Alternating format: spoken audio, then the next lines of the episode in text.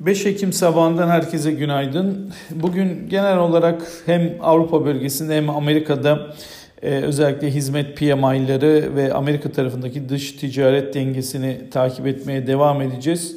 E, nispeten dolar endeksinin 94 seviyesinde ve Amerikan 10 yıllıklarının 1.50'ye yakın, %1.50'ye yakın seyrettiği bir gündeyiz e, yatay bir görüntü hakim. Özellikle dünkü e, Çin'den gelen ikinci bir gayrimenkul şirketi nin de tahvil ödemelerini gerçekleştiremediği haberi, belli bir süre için sosyal medya hesaplarının e, durdurulması, e, özellikle küresel anlamda OPEC'in e, günlük 400 bin varillik o e, arttırım sürecinde kalması ve bunu değiştirmemesi e, şimdilik piyasalarda özellikle yurt dışı borsalarda biraz tedirginliğe neden olmuş durumda.